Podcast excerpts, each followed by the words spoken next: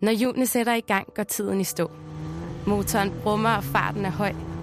Men jeg skal ikke nå noget. Suset i maven er der stadig. Glæden over at skulle ud og køre bliver kun større og større. Og hvis turen er lang, så er det kun et plus. De fleste tænker måske, at motorcykel bare er en hobby. Men for mig er det en passion. Denne passion deler jeg med mange andre mennesker. Mennesker, jeg rigtig gerne vil hjælpe. Mit navn er Emily, og jeg studerer til motorcykelmekaniker. Hvis du vil skrue på de flotte tohjulede maskiner, skal du vælge en uddannelse som motorcykelmekaniker. En motorcykel er tæt på mennesket, og det er det, der gør faget så spændende.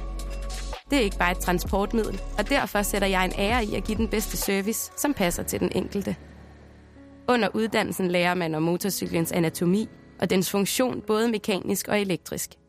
Vi bliver klædt ordentligt på af lærerne, så man er hurtigt klar til at få det i fingrene, når man kommer ud på værkstedet. Motorcyklerne skal repareres og vedligeholdes, så de altid kører, lyder og føles helt rigtigt. Det får du ansvaret for som motorcykelmekaniker. Det er et vigtigt ansvar, da du sikrer og klargør motorcyklen til vejene. Så kan du lide fart, og har du øje for detaljer, er uddannelsen som motorcykelmekaniker helt klart den perfekte for dig.